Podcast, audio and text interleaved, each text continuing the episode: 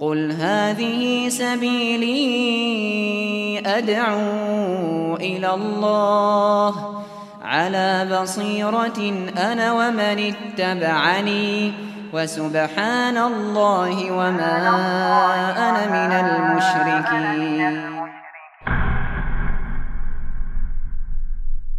Bismillahirrahmanirrahim. Assalamualaikum warahmatullahi wabarakatuh. Alhamdulillah wassalatu wassalamu ala Rasulillah wa ala alihi wa man tabi'ahum bi ihsanin ila yaumiddin. Allahumma inna nas'aluka imanan la yartad wa na'iman la yanfad wa murafaqata Muhammadin sallallahu alaihi wasallam fi a'la jannatil khuld. Baik uh, ikhwan fiddin, para jamaah sekalian, kita lanjutkan sekarang sesi yang ke 7. Setelah kita lihat dalam enam sesi tadi ada pembahasan pertama wajib bertauhid, yang kedua keutamaan bertauhid menghapuskan dosa, yang ketiga kewajiban uh, keutamaan bertauhid akan masuk surga tanpa hisab dan tanpa siksa. Lalu diingatkan agar kita benar-benar takut pada syirik, baik syirik besar maupun syirik kecil. Sekarang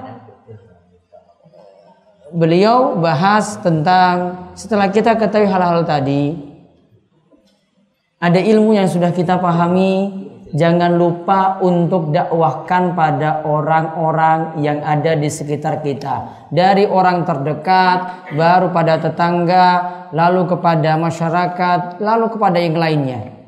Biar tidak kita hanya dapat kebaikan namun yang lainnya juga mendapatkan hal yang sama. Mereka tahu tentang tauhid itu seperti apa, mereka juga waspada dengan kesyirikan. Dan ingat penjelasan beliau ini bertahap ini. Ini belum masuk bahasan inti loh ini.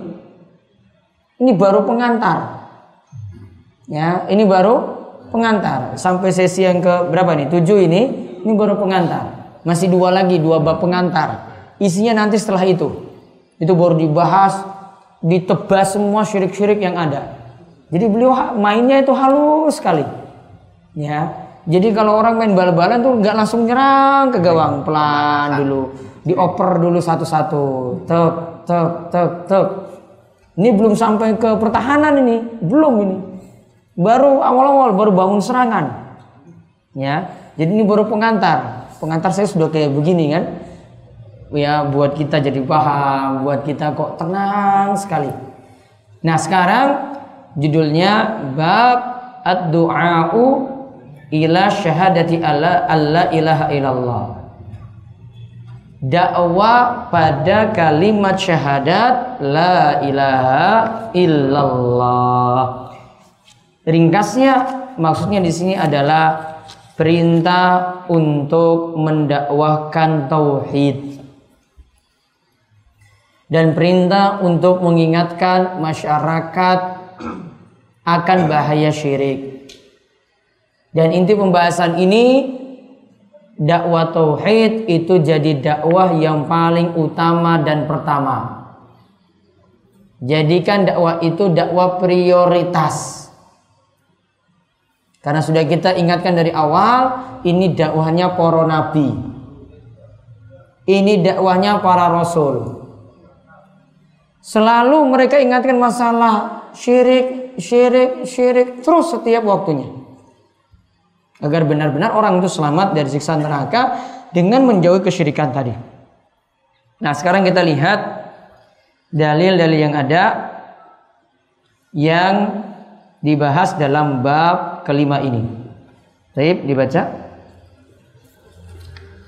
Allah Ta'ala berfirman, Qul hadhihi sabili ad'u ila Allah ala basiratin ana wa man ittaba'ani wa subhanallahi wa ma ana minal musyrikin Katakanlah inilah jalan agamaku Aku dan orang-orang yang mengikutiku mengajak kamu kepada Allah dengan hujah yang nyata.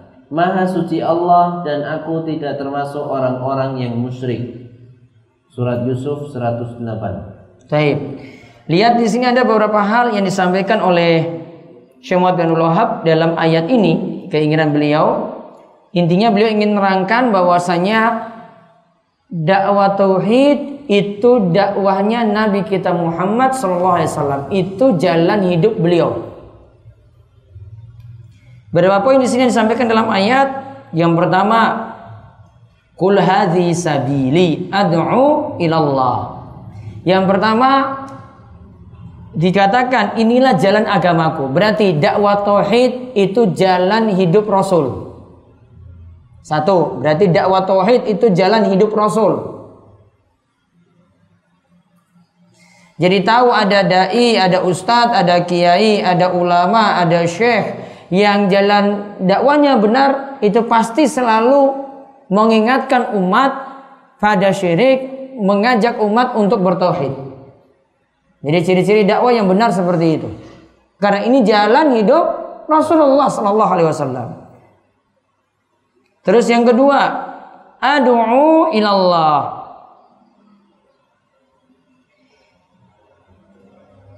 Inilah jalan agamaku, aku dan orang-orang yang mengikutiku mengajak kamu kepada Allah. Jadi di sini pada kalimat yang kedua berarti dakwah itu mengajak pada Allah, bukan mengajak pada golongan.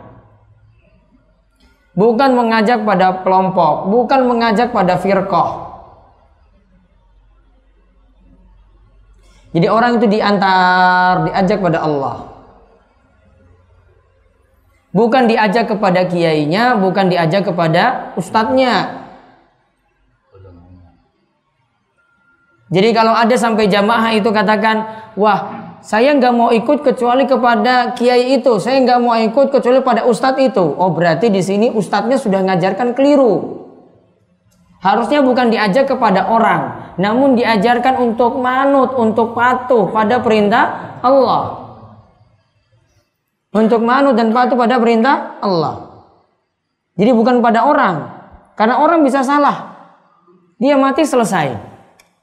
Namun diajarkan pada Al-Quran, diajarkan pada hadis Nabi Shallallahu Alaihi Wasallam. Kemudian yang ketiga, ala basiratin. Jadi dakwah itu di atas basirah, di atas ilmu. Ya, Basirah di situ artinya di atas keyakinan, di atas ilmu. Jadi yang disampaikan pada orang lain kalau berdakwah itu ilmu. Bukan banyak guyonan, bukan banyak candaan, namun yang disampaikan benar-benar ilmu. Ilmu yang bagaimana? Ilmu yang dari Al-Quran, ilmu yang dari hadis Nabi Shallallahu Alaihi Wasallam. Jadi yang disampaikan itu ilmu.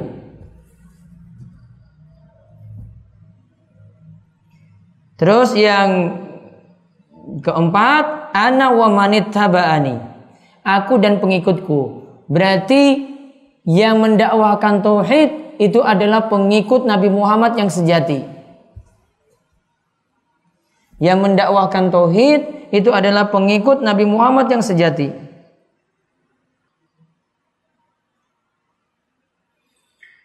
Kemudian yang terakhir wa subhanallahi wa ma ana minal musyrikin dan mensuci Allah aku tidak termasuk orang-orang yang berbuat syirik. Jadi yang terakhir maksud ayat ini orang yang mendakwahkan tauhid harus berlepas diri dari kesyirikan. Orang yang mendakwakan tauhid harus atau wajib berlepas diri dari kesyirikan. Nah, terus kita lihat hadis dari Ibnu Abbas ini tentang uh, nasihat Nabi SAW kepada Muaz ketika Muaz diutus ke Yaman. Nantinya kita akan lihat di sini Muaz diingatkan oleh Nabi, pokoknya dakwahkan tauhid terlebih dahulu sebelum yang lainnya. Kuatkan tauhid terlebih dahulu sebelum yang lainnya. Kita lihat.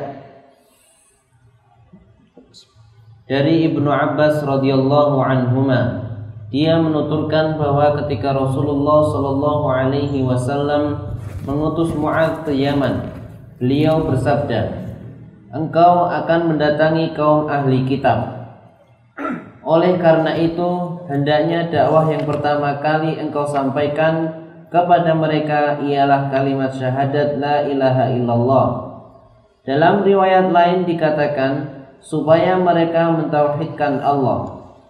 Kalau mereka telah mematuhi apa yang kamu dakwahkan, maka ajarkanlah bahwa Allah mewajibkan kepada mereka sholat wajib lima waktu sehari semalam. Kalau mereka telah mematuhi apa yang kamu dakwahkan itu, maka ajarkanlah bahwa Allah mewajibkan kepada mereka zakat yang diambil dari orang-orang kaya di antara mereka untuk diserahkan kepada orang-orang fakir. Kalau mereka mematuhi apa yang kamu dakwahkan itu, maka jauhkanlah dirimu dari harta benda mereka yang paling berharga. Berhati-hatilah dari doa yang dari doa orang yang teraniaya karena tidak ada tabir atau pembatas yang menghalangi antara doa itu dengan Allah. Nah, lihat di sini Nabi SAW ingatkan dulu ketika Muaz ingin diutus ke Yaman.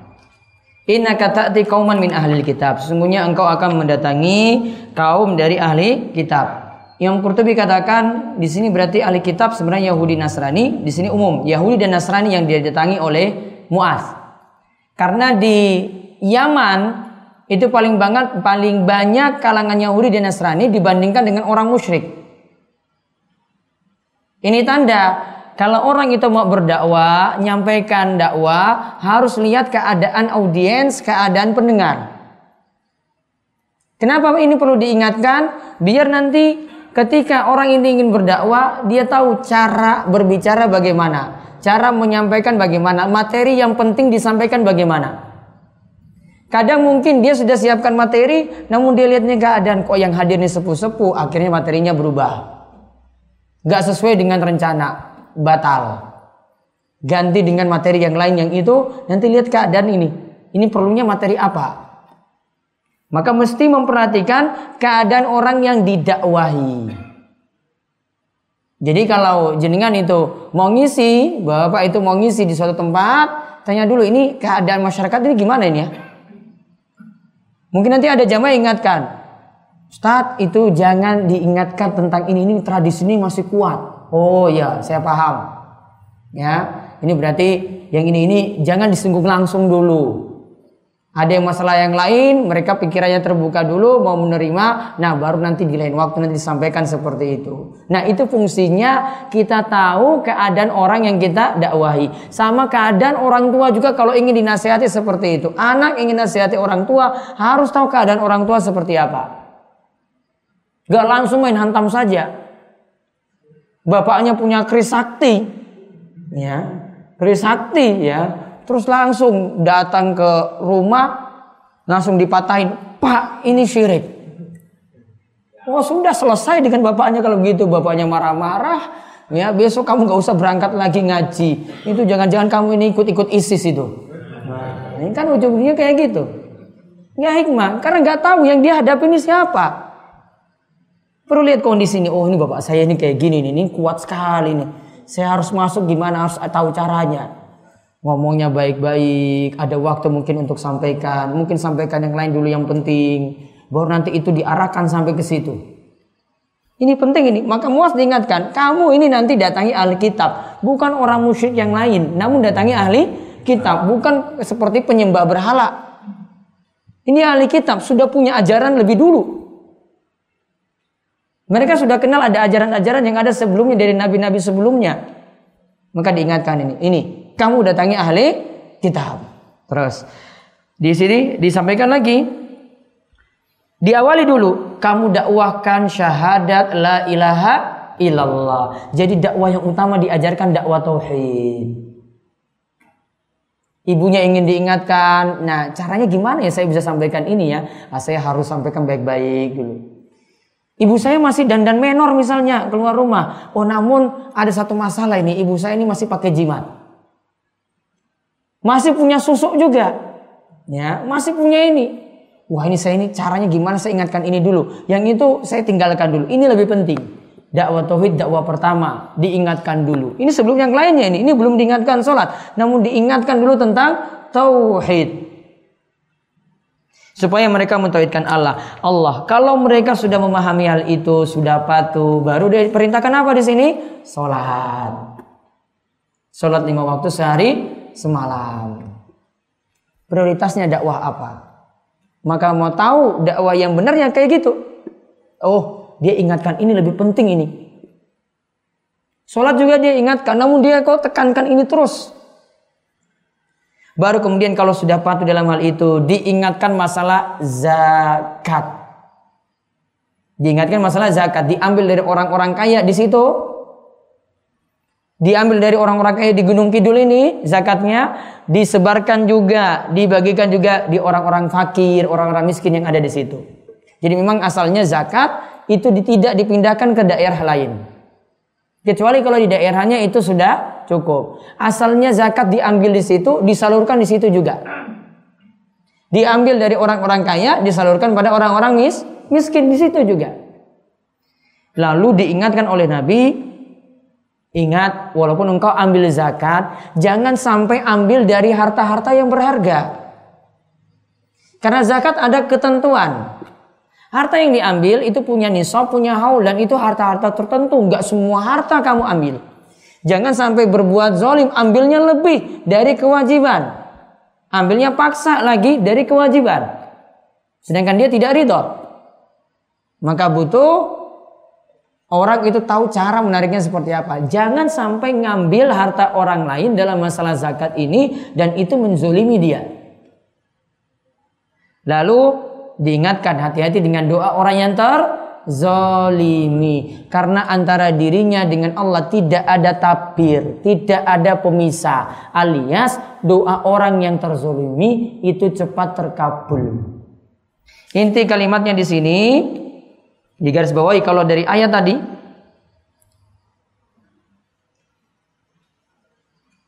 Ya garis bawahi kalau ayat surat Yusuf tadi inilah jalan agamaku aku dan orang-orang yang mengikutiku mengajak kamu kepada Allah. Kalau hadis Ibnu Abbas itu mulai pada kalimat yang pertama kali dakwah yang pertama kali engkau sampaikan kepada mereka ialah kalimat syahadat la ilaha illallah di garis bawahi itu. Poin pentingnya berarti dakwah tauhid itu dakwah yang paling utama.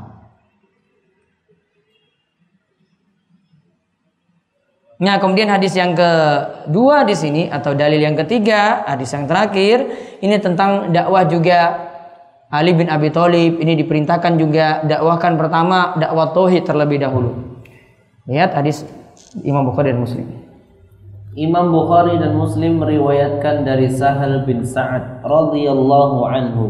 Dia mengatakan bahwa pada masa perang Khaybar Rasulullah Shallallahu alaihi wasallam bersabda, Demi Allah, besok aku akan menyerahkan bendera komando perang ini kepada orang yang mencintai Allah dan Rasulnya. Dan Allah dan dan Rasulnya pun mencintainya. Allah memberikan kemenangan melalui tangannya. Semalam suntuk orang-orang pun memperbincangkan siapakah di antara mereka yang akan diberi bendera tersebut. Pada pagi harinya mereka mendatangi Rasulullah Shallallahu Alaihi Wasallam. Setiap orang dari mereka menginginkan agar menjadi orang yang diberi bendera tersebut. Nah, lihat Rasul katakan di awal, ini nanti akan perang. Ini perang Khaybar ya. Ini perang Khaybar. Ini akan perang. Dan nantinya akan diberikan bendera. Biasanya kalau perang yang pegang bendera berarti yang jadi pemimpin ya. Yang pegang bendera ini berarti yang jadi pemimpin. Dalam riwayat yang lain disebutkan di sini para sahabat yang lainnya seperti Umar itu mati-matian ingin dapat bendera ini.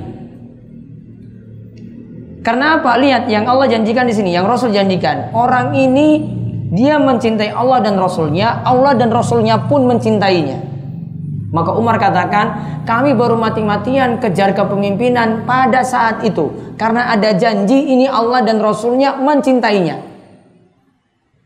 Tidak ditemukan di keadaan yang lain. Ini menunjukkan bahwasanya para sahabat itu tidak gila kepemimpinan. Ya, tidak gila jabatan. Tidak gila kekuasaan. Mereka takut nantinya kalau memiliki jabatan tadi, kepemimpinan tadi takut tidak amanat. Sehingga kalau ada satu orang diberikan kepemimpinan, lempar pada yang lain, sudahlah dia saja. Ini ah dia sudah sajalah yang ini, ah dia sajalah. Semua sepertinya menolak.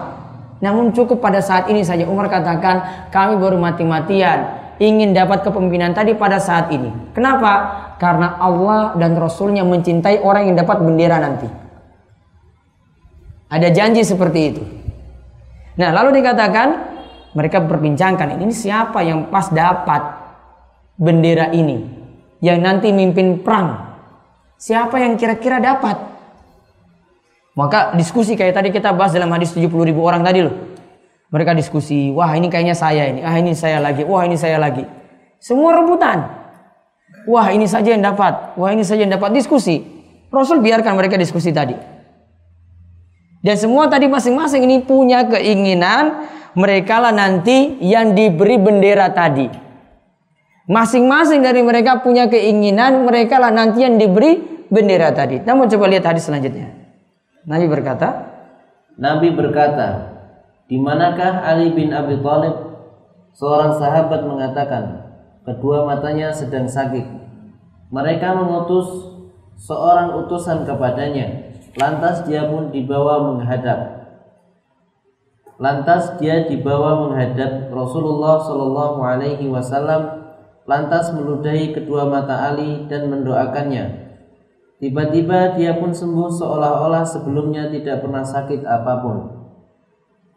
Rasulullah Shallallahu Alaihi Wasallam memberikan bendera tersebut kepada Ali. Nah, taib lihat. Tadi dalam bahan diskusi, dalam perbincangan mereka Ali nggak ada. Namun Rasul tanya ketika itu pas keluar Rasul tanya mana Ali bin Abi Thalib. Yang ini ini yang hadir ini nggak ditanya. Mana Umar, mana Utsman, nggak ditanya. Yang ditanya siapa? Ali. Ali yang diberi bendera tadi. Ini tanda bahwasanya orang harus memahami takdir. Karena ada yang sudah kejar mati-matian, nunggu-nunggu mau dapat jabatan tadi, eh nggak dapat. Yang nggak nyari-nyari malah dapat. Iya. Ada yang nyari-nyari mati-matian ini. Wah, saya yang harus dapat, saya yang harus dapat. Eh ternyata Rasul tanya yang lain yang nggak ada di sini. Yang nggak dapat. Yang nggak cari-cari malah dapat. dapat. Itu yang dipakai. Ya. Ini tanda pokoknya harus terima takdirmu itu seperti apa. Contoh saya dalam masalah jodoh juga demikian kan. Coba ada yang sampai 10 tahun, 15 tahun itu sudah pacaran terus ini. Wah ini nanti jadi jodoh saya ini. Ternyata sudah 15 tahun diambil orang. Mau protes coba, protes seperti ini. Enggak mungkin protes, selesai. Ada yang nggak cari-cari dia, nggak cari-cari perempuan ini, malah itu jodohnya. Ya nyari-nyari, wah nggak dapat. Contohnya? Ya. Ya nyari-nyari malah nggak dapat. Seperti ada orang Arab itu membuat istilah ya. Eh, kulun yadda'i waslan bilaila wa laila lam tukir illa bizak. Semua itu ngaku-ngaku wah saya ini pacarnya Laila, wah saya juga pacarnya Laila, wah saya juga pacarnya Laila. Namun Laila tidak ngaku punya hubungan dengan siapa-siapa. Yang kejar-kejar itu nggak dapat-dapat. Ya, yang nggak nyari-nyari, eh Laila mau sama dia. Nah, Masya Allah. Itu namanya jodoh seperti takdir kayak gitu. Nggak bisa diprotes. Sudah jadi takdirnya. Yang nggak nyari-nyari Ali, Ali malah yang dicari Rasul. Mana Ali Ali? Ali mana? Ternyata Ali lagi sakit.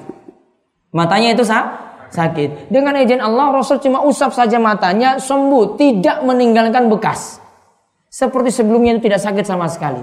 Nah, ini juga menunjukkan uh, nubuah Nabi SAW, kenabian beliau itu seperti itu. Dengan izin Allah, penyakit tadi bisa sembuh dengan izinnya. Nah, lalu Ali tadi diberi bendera. Kemudian Rasul wasiatkan seperti berikut. Beliau bersabda, Melangkahlah ke depan dengan tenang sampai engkau tiba di tempat mereka. Jadi jalan dengan tenang gitu, nggak usah kesusu, nggak usah terburu-buru sampai ke tempat tujuan tadi, yaitu di Khaybar. Terus Ajaklah mereka untuk masuk Islam.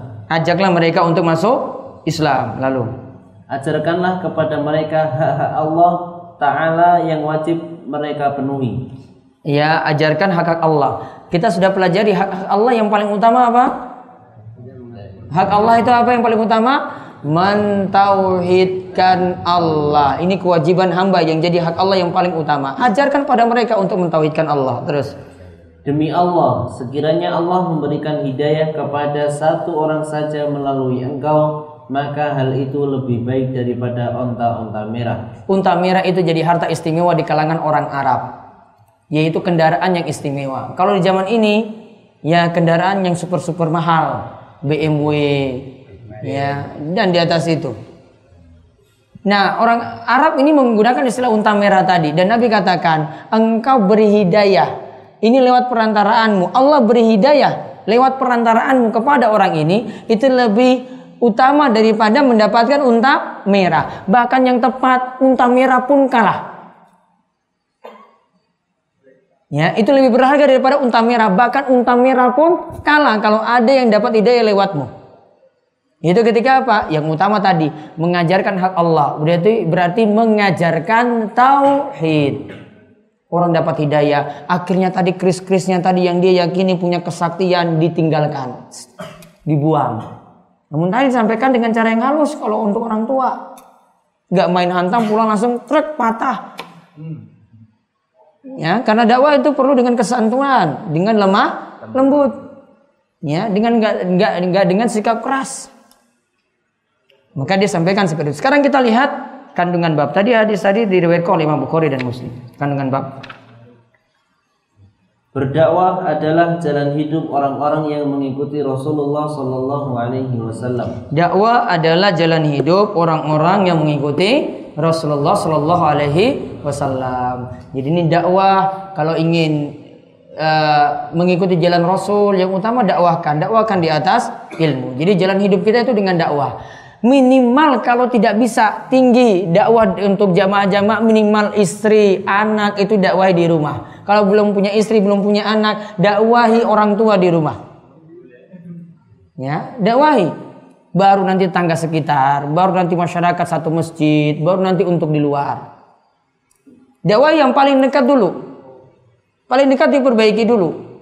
Ya, jangan beralih ke yang jauh, yang dekat tidak dipedulikan. Yang di dekat dulu dipedulikan. Wah ini saya harus ingatkan ini. Ya, ingatkan di wilayah saya dulu. Wah, mau pergi luar, ini bagaimana ini? Ini saja masih jimatnya masih kayak gitu, ya. Pesugihan-pesugihan masih kayak gitu. Ada yang pelihara tuyul, ngingu tuyul. Ini mau diingatkan ini saya sedih sekali dengan keadaan masyarakat semacam tadi, maka dia prioritaskan dulu wah ini masyarakat saya saya harus perbaiki.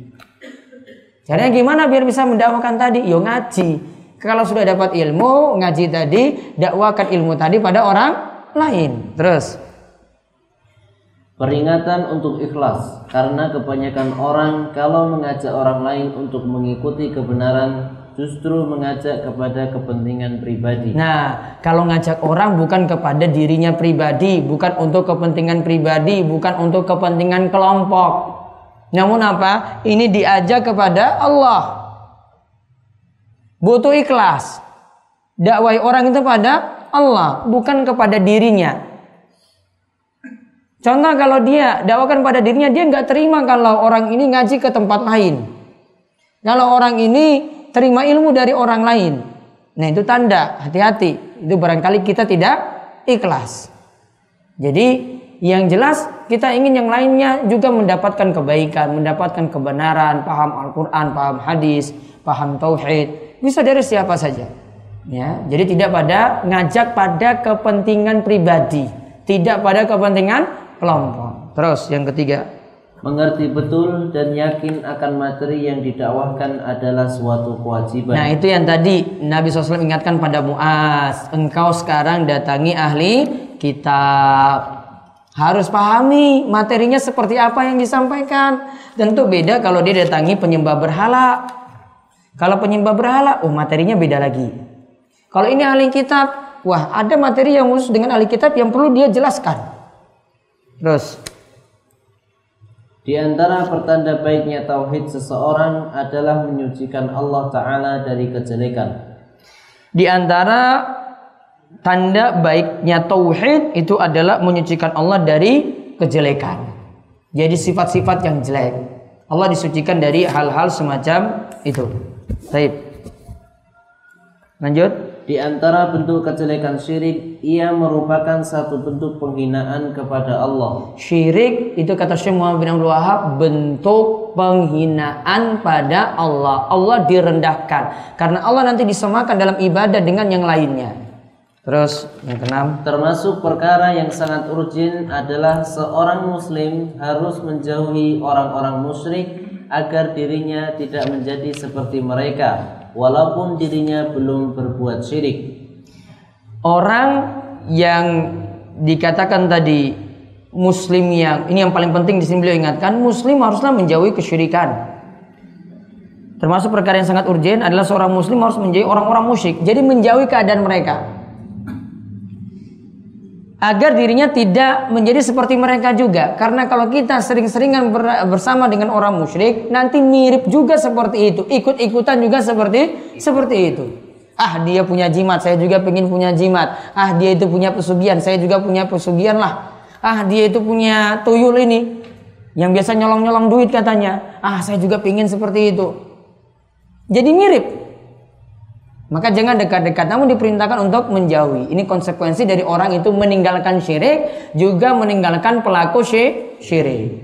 Terus, Tauhid adalah kewajiban yang pertama. Muaz diutus suruh nyampaikan tauhid.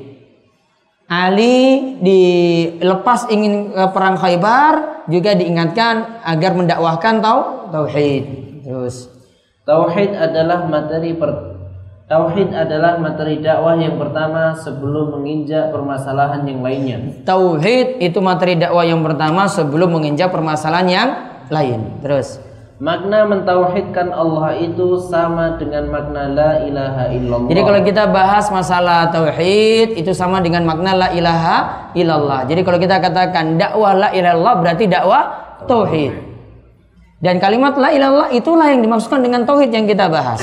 Terus Seseorang terkadang termasuk ahli kitab akan tetapi dia tidak mengetahui makna la ilaha illallah atau dia mengetahui makna kalimat tersebut akan tetapi tidak mengamalkannya. Jadi ada ahli kitab di sini didatangi.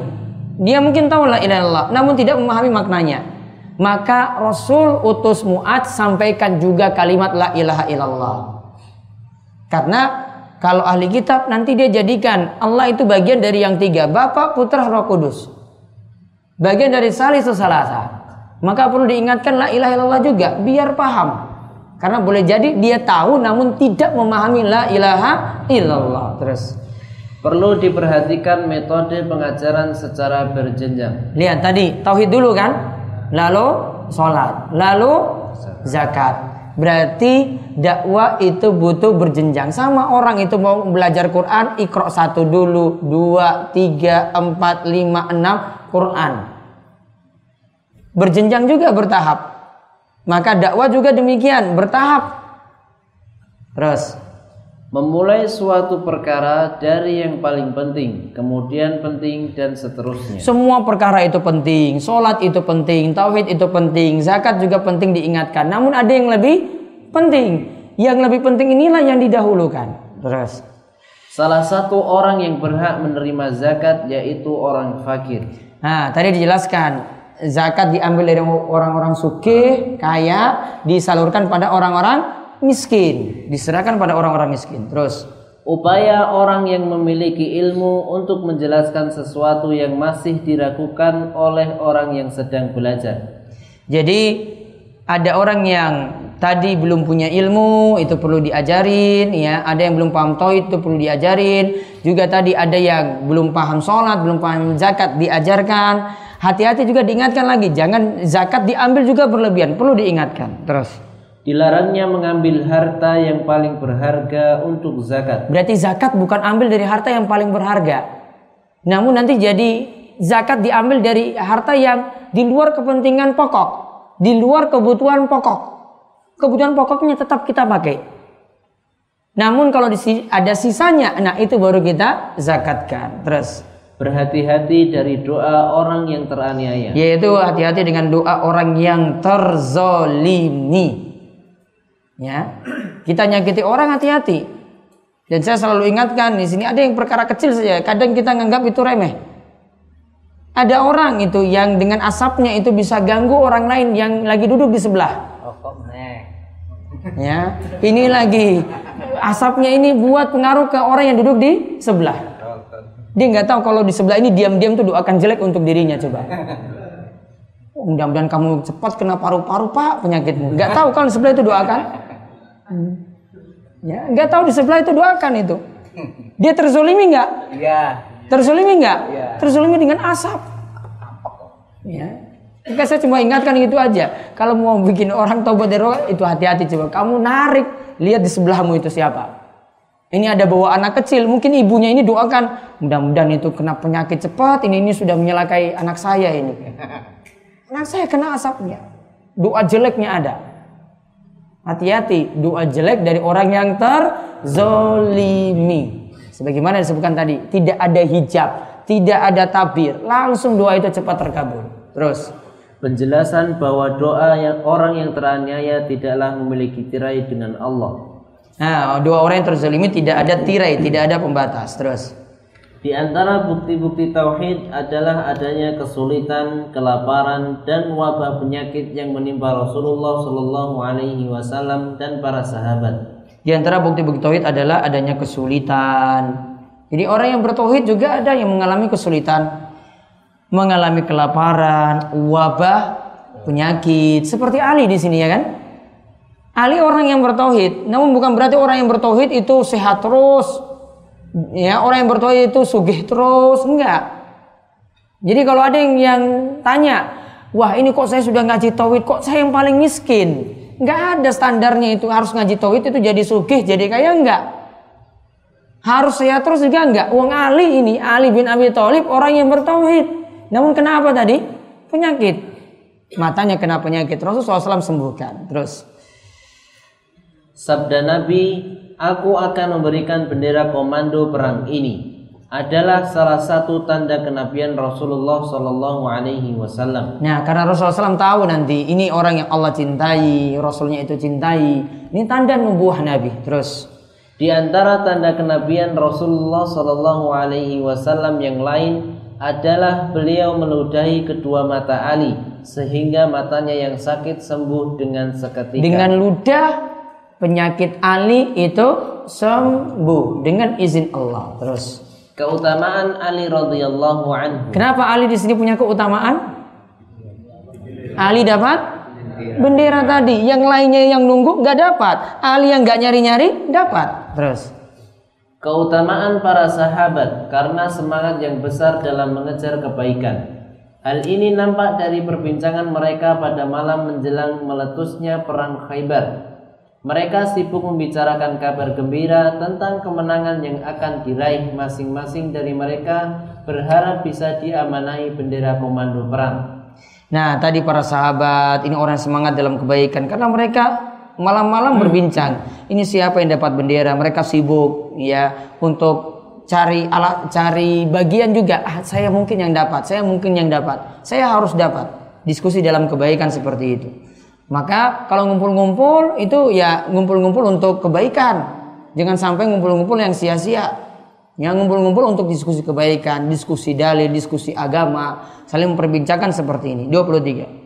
Beriman kepada takdir karena bendera komando itu ternyata diserahkan kepada orang yang tidak berusaha untuk memperolehnya. Orang yang berusaha untuk memperolehnya justru tidak mendapatkannya. Nah itu tadi yang dikatakan wajib beriman pada tak takdir. Yang nunggu-nunggu ingin dapat bendera nggak dapat. Yang nggak nyari-nyari malah dapat. Terus 24. Pentingnya adab dalam berjihad. Hal ini nampak dalam sabda Rasulullah Shallallahu Alaihi Wasallam melangkahlah ke depan dengan tenang. Jadi kalau pergi berjihad dengan tenang. Jadi ada adab-adab yang diajarkan. Contoh lagi adab-adab tidak boleh menyakiti perempuan, tidak boleh menyakiti anak-anak. Islam mengajarkan seperti itu. Terus 25. Sebelum memerangi suatu kaum, hendaknya terlebih dahulu mendakwahi mereka agar masuk Islam. Jadi sebelum perangi itu harus didakwahi dulu. Jadi Islam nggak langsung main perang. Namun didakwahi dulu. Dan tanda suatu kampung itu bisa diserang itu kalau tidak ada dakwah sholat sama sekali. Dilihat ini ada sholat nggak, ada sholat nggak, itu baru diperangi. Jadi Islam itu nggak main langsung serang-serang saja, nggak langsung offense nggak. Namun lihat dulu ini, ini sudah dakwahi apa belum? Kalau belum dakwahi dulu. Mau nerima, alhamdulillah. Kalau tidak, eh nanti baru dibangun lagi strategi selanjutnya. Terus. Hal ini juga disyariatkan kepada kaum yang telah didakwahi dan diperangi sebelumnya. Ya, 27. Berdakwah dengan cara yang bijaksana. Hal ini berdasarkan sabda beliau, ajarkanlah kepada mereka hak-hak Allah Ta'ala yang wajib mereka penuhi. Yaitu dakwahkan tauhid. Ini dakwah yang bijak seperti itu. Jadi pentingkan yang lebih jadi kepentingan, yang utama, yang jadi prioritas. 28. Mengetahui hak Allah Ta'ala dalam Islam. Hak Allah Ta'ala itu apa kemarin? Tauhid. Tauhid. Terus 29. Pahala bagi orang yang bisa memasukkan seseorang ke dalam Islam melalui tangannya. Jadi kalau dakwahi orang, kemudian dia dapat hidayah lewat dakwah kita, maka itu ada suatu keutamaan lebih baik daripada unta merah. Terus terakhir. Bolehnya bersumpah dalam menyampaikan fatwa. Karena di situ Nabi SAW bersumpah, "Fawallahi demi Allah, jika ada orang yang dapat hidayah lewat perantaraan diawali dengan sumpah, maka boleh berfatwa diawali dengan sumpah. Ya demikian untuk sesi yang ke-7. Istirahat dulu 10 menit.